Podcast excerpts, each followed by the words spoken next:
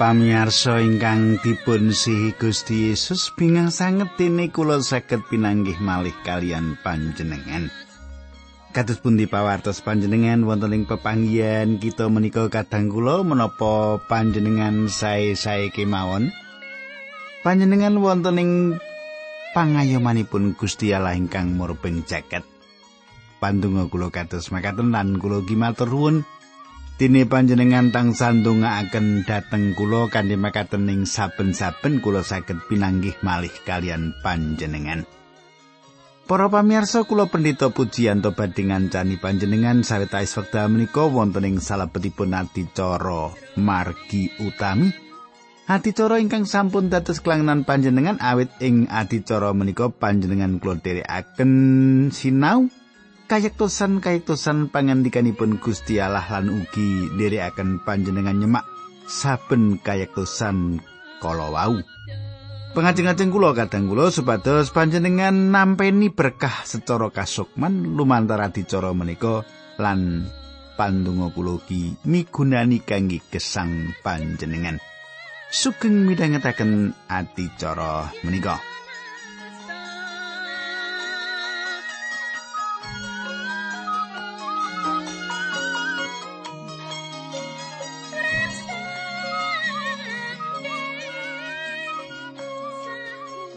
Para pamirsa ingkang kula tresnani, pripun kemawon kula badhe mangsuli sekedhik nyuplik sithik apa-apa sing tak aturake nalika kita pepanggihan kepengker. Wonten ing pepanggihan kepengker, kula sampun nderekaken panjenengan nyemak pilih umat Israel nalika semanten ngriyayakaken Paskah. Nalika semanten ngriyayaken Paskah lajeng kita lajengaken malih nanging saderengipun menika monggo kita tumungkul kita ndedonga sesarengan. Duh Kanjeng Rama ingkang ade dampar wonten kraton ing kasuwargan kawula ngaturaken gunging panuwun dene wekdal menika kawula saged wangsul tetunggilan kalian sedherek-sedherek kawula ingkang setya tuhu midhangetaken adicara menika.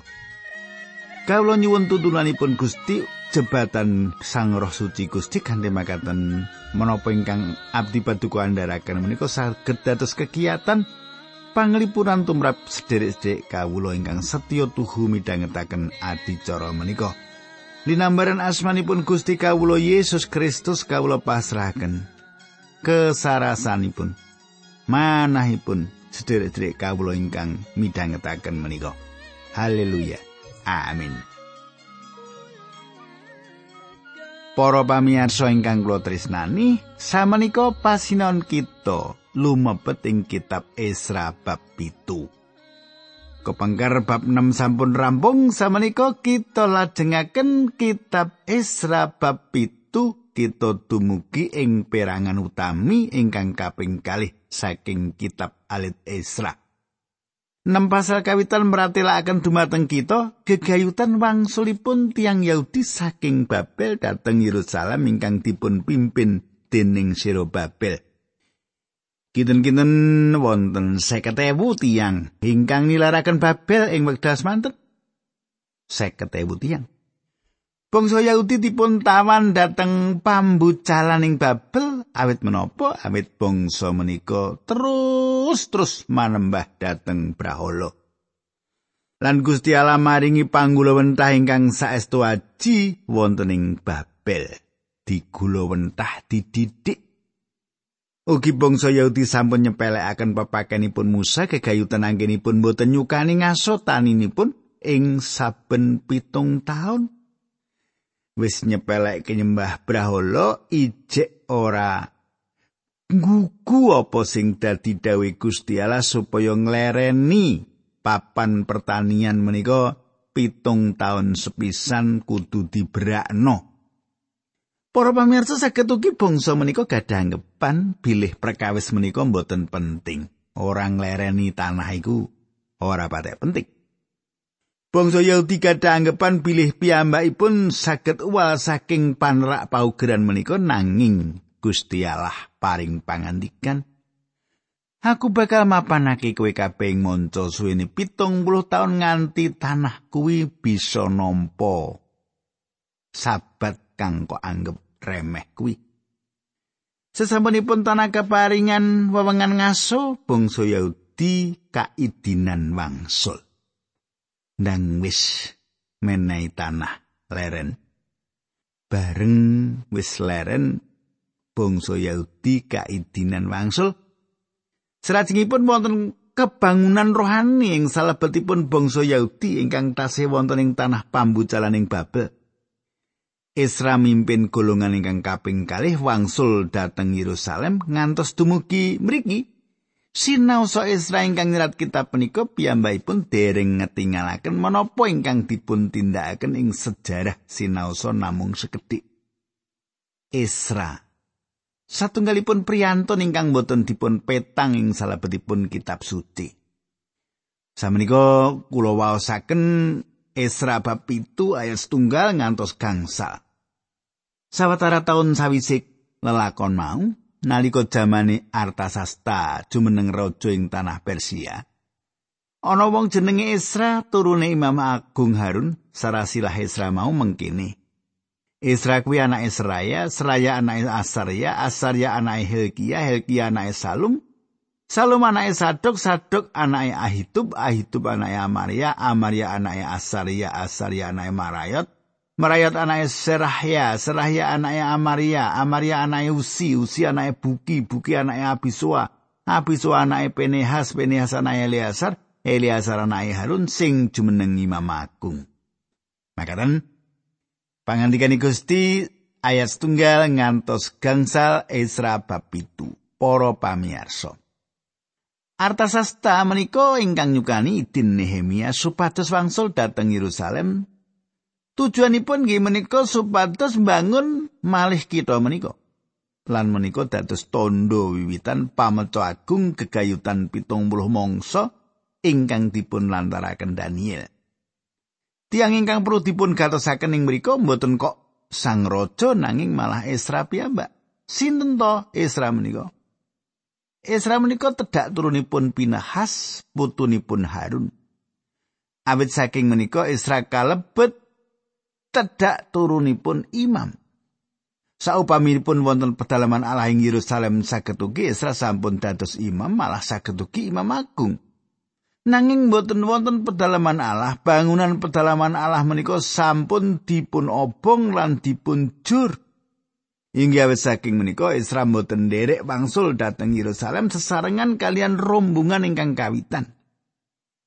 Mboten wonten papan kangge Isra ing Yerusalem. Isra ngladosi tiang Israel ingkang tasih kantun wonten ing Babel.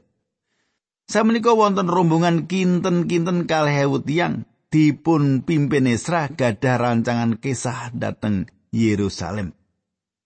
pedalaman Allah sampun dipun bangun malih kanthi makaten wonten papan kangge ngladosi kita badhe manggihaken bilih piyambakipun ugi tiyang ingkang mucal pangandikanipun Gusti Allah.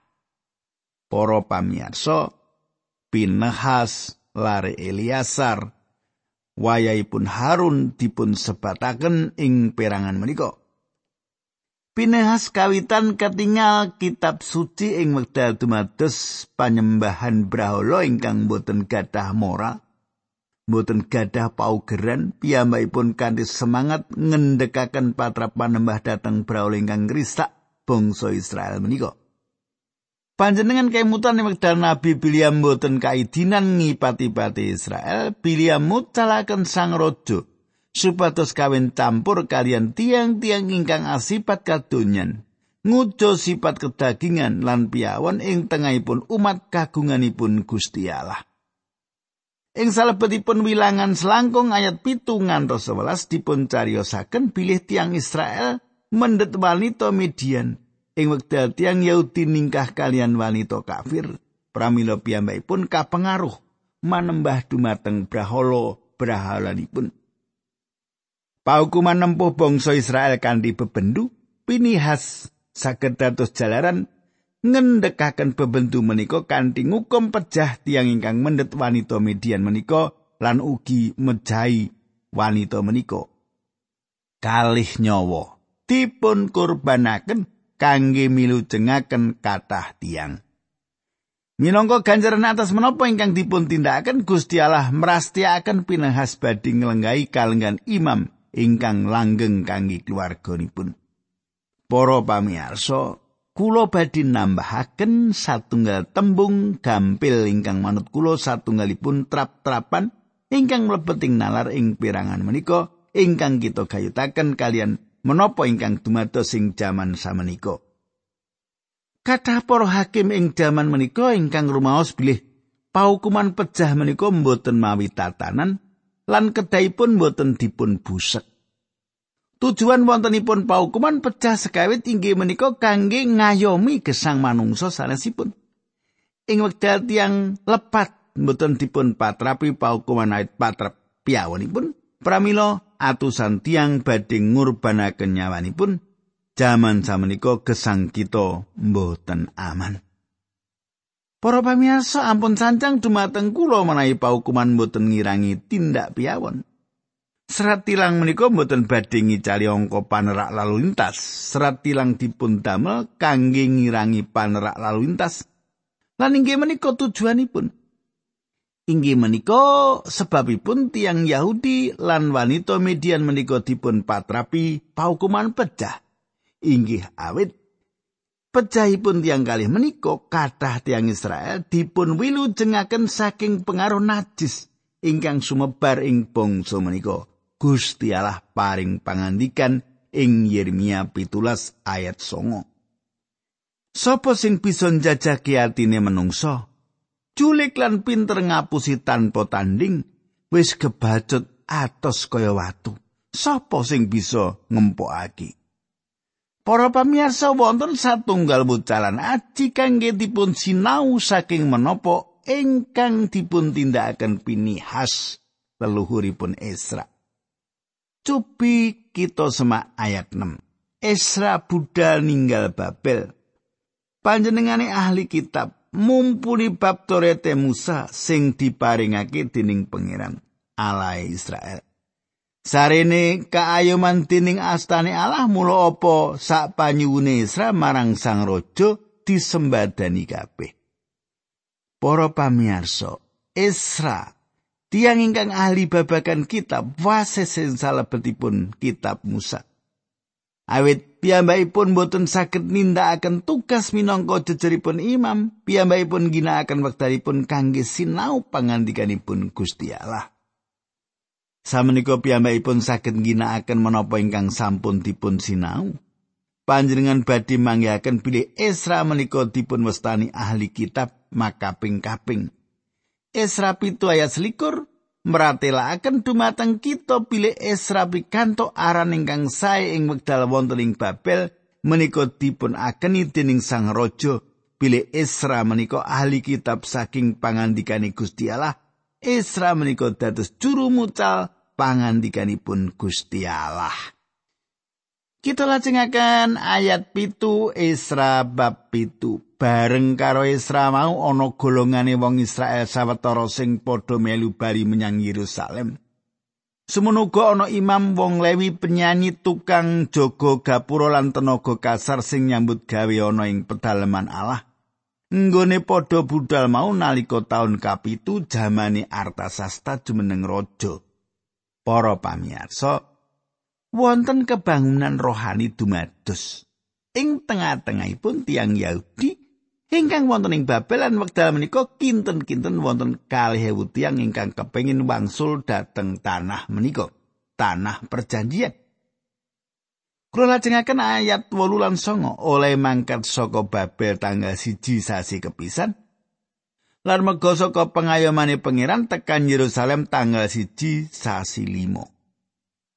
Para pamirsa, bangsa Yahudi wangsul dateng Yerusalem ing taun kaping pitu Artasasta nyepeng pemerintahan minangka raja. Minangka jejere raja dipun betahaken kang sawulan anggenipun lumapah tumuju ing Yerusalem. Bangsa menika kedah mlampah menika lampah ingkang tebih lan angel ing wekdal semanten. Perjalanan saking Babel teng Yerusalem menika kebak beboyo. Kita lajengaken ayat sedoso. Isra mau uripe ditanjakake kanggo nyinau torete Allah sarta kanggo mulangake pernatan lan sarak-sarak agama marang wong-wong Israel. Kadang kula ingkang kula tresnani. Isra sampun nyawisaken manahipun ing satunggalipun wekdal mangke wangsul datang tanah perjanjian. Piyambakipun mangertos sintenipun awit piyambakipun gadah kapiyandelan dumateng Gusti Allah. Dados Isra nyawisaken manah lan sinau paguran Musa gangsal kita gangsal kita kawitan ing saklebetipun kitab suci lan kitab Yosua ingkang sampun wonten ing wekdal semanten. Gadah tiang pitados bilih Isra nyerat kitab setunggalan kalih babat. Isra sanes namung sinau pangandikane Gusti Allah. Piyambakipun ugi nindakaken pangandikanipun Gusti Allah menika. Oh, kados menapa pentingipun sinau lan nindakaken pangandikanipun Gusti Allah. Isra ugi mucalaken pangandikanipun Gusti Allah. Isra gadah kekajengan umat kagunganipun Allah mangertos paugeran lan paukumanipun Gusti Allah. Ayat 11. Artasasta maringake turunan layang marang Isra ya kuwi imam lan ulama ahli Torat kang akeh kawruhi bab angger-angger lan pernatane Gusti Allah kanggo wong Israel surasane layang mau mengkini. Ayat rolas ngantos 13. Soko sang raja Artasasta tumeka marang Isra, imam lan ahli torete Allah kang ana ing swarga. Aku ndawake perintah kanggo sak wilayah jajahaning kratonku kabeh sake wong Israel kang ana ing kratonku iya imam utawa wong Lewi kang kepengin melu kue bali menyang Yerusalem ndak lilani. Para pamirsa, Artasasta damel putusan ingkang ngidinake Isra lan para pandheripun wangsul dateng wutah darahipun. Menika boten satunggal dawuh nanging satunggal izin kangge wangsul selaras kalian pepinginan mliginipun lan manut tuntunanipun Gusti. Samenika kula lajengaken ayat 18 ngantos gang 11. Aku lan para penasihatku pitu ngutus kowe niti kaanane Yerusalem lan Yehuda apa torete pangeran Allahmu kang kak pasrahke marang kowe padha diestokake Sloka lan masausan kulan para penasihatku marang Allah wong Israel kang dedalem ana Yerusalem gawanen pisan. Para pamirsa, cetha Esra gadah seksi ing kraton awit sang raja lan para penasihat ingkang nukani pisungsung menika dumateng Allah Israel. Esra dipun paringi kawenangan supados milih petugas hukum lan hakim. Penasihat-penasihat kala wau nampeni sedaya bahan menika lan Esra nampeni putusan raja. Selajengipun tetawis dipun tindakaken kangge bidal. Putusan menika meratelaken satunggalipun rasa hormat ingkang ngedapi-dapi dumateng Gusti Allah. panjenengan katosaken paring kesanipun. Ayat 24 ngantos 26. Pomo kowe aja narik pajak utawa beya saka para imam, para wong lewi, para penyanyi, para juru jaga gapura, para buruh kasar lan sadingah wong sing padha lati ing pedalemane Allah.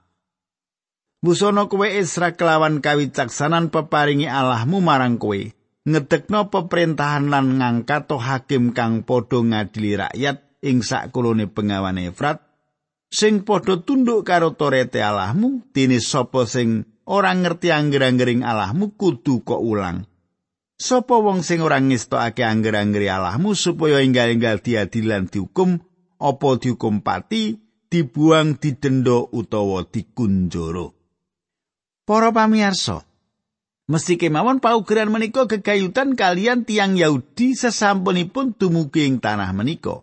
Kan ditembung sanes, menawi bangsa Israel wangsul ing tanahipun, bangsa menika kedah leres-leres tanggal jawab ing gegayutanipun kalian Gusti Allah. Panjenengan katosaken samenika atur panuwun ingkang dipun aturaken dening Isra. Ayat 17 pangucape Isra. Pinujio pengiran alai leluhur kita kang kersa maringi kawicaksanan ana ing penggali Sang Prabu nganti panjenengane gawe asrine pedalaman Allah kang ana ing Yerusalem. Para pamirsa, mboten namung pedalaman Allah ingkang kedah dipun bangun malih nanging ugi kedah dipun damel supados endah. Kula gagas pedalamanipun Gusti Allah kedah dipun dadosaken endah. Inggih saendah-endahipun selaras kalian kawasisan tiang-tiang ingkang ibadah wonten ing papan pangibadah menika. Gawe gereja ya kudu sing apik sisan nek neneng duwite ra ngoten Nah, ayat 21 Merga saka sih kamirahane Allah, aku oleh siye sang Prabu lan para penasihate sarta bisa ngrembuki panggedene taler-taler Israel nganti padha gelem melu aku budal bali menyang Yerusalem. Para pamirsa Esra mimpin satunggal rombongan ingkang sae kangge wangsul dhateng tanah menika. Gunggungipun boten kathah kados rombongan ingkang kawitan nanging kathah pemimpin derek ing rombongan ingkang kaping kalih. Selajengipun pasinon kita lumebet ing Isra wolu, pasal menika nyukani daftar tiang ingkang derek Isra. Panjenengan gatosaken bilih Isra mesthekaken bilih tiang lewi badhe sareng kalian piyambakipun para batur tukon ing pedalaman Allah ugi nderek selajengipun kita nyemak satunggal perkawis ingkang meratelaken Isra kados pundi Isra saestu manungsa sejatos. Para pamirsa, kita lajengaken ayat selikur. Aku banjur ngumumake poso ana ing pinggire kali Ahawa kono supaya aku padha andhap asor ning ngarsane Allah. Sarto nyuwun supaya laku kita dituntun sarto anak-anak dalah barang darbek kita direksa dening panjenengani. Para pamirsa Esra dawuh dumateng bangsa menika poso lan ngawontenaken patungilan donga ageng ing pinggiring lepen Ahawa. Piyambakipun gadah kekajengan mangertos menapa ingkang dados karsanipun Gusti Allah. Samenika kita lajengaken ayat kali likur ngantos trulikur. Awet aku isin nyuwun tentara utawa bolo jaranan marang Sang Prabu kanggo ngreksa lan ngadepi mungsu-mungsu ing sak dalan-dalan. Mergo aku wis matur marang Sang Prabu mengkene Allah kawula ngayomi dhateng sedaya tiang ingkang pitados dhateng panjenenganipun nanging sekadaing tiang ingkang ngingkur panjenenganipun menika sami dipun lawan dening panguasipun lan bebendunipun. Mulane aku banjur padha poso sarta nyuwun mengkono mau marang Allah kita mongko panjenengane nyembadani apa kang ndak suwun. Para pamirsa ingkang limpratipun tindakaken inggih menika nyuwun pitulungan dumateng Sang Raja supados wonten prajurit jaga ingkang ngawal tiang-tiang menika. Saged ugi ing wekdal semanten Sang Raja paring wangsulan, aku pikir kowe percaya marang panguasane Allah. Kala-kala ing antawisipun kita dados wasis sanget sanjang kados menapa kita kiat kumandel dumateng Gusti Allah. Kados menapa nggumunaken panjenenganipun menika nanging ing wekdal kita ngadepi kasunyatan ingkang sayektosipun kita mboten saestu estu kumandel dumateng panjenenganipun Esra inggih menika tiang ingkang kados makaten menika Piyambakipun saestu manungsa sejatos, piyambakipun sanjang aku ewuh njaluk pitulungan marang raja. Menapa pilihanipun? Piyambakipun ngawontenaken donga umum lan poso Piyambakipun matur, "Do Gusti, kula sami kedah sumende dumateng paduka." Panjenengan mangertos, Gusti asring mapanaken kita wonten ing kahanan ingkang kados makaten menika.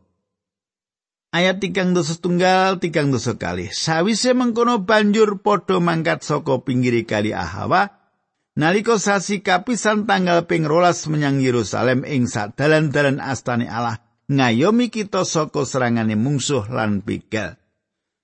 Ayat tigang dosa kali bab wolu Esra. Satekane ing Yerusalem kita banjur padha leren ana ing kono telung dina.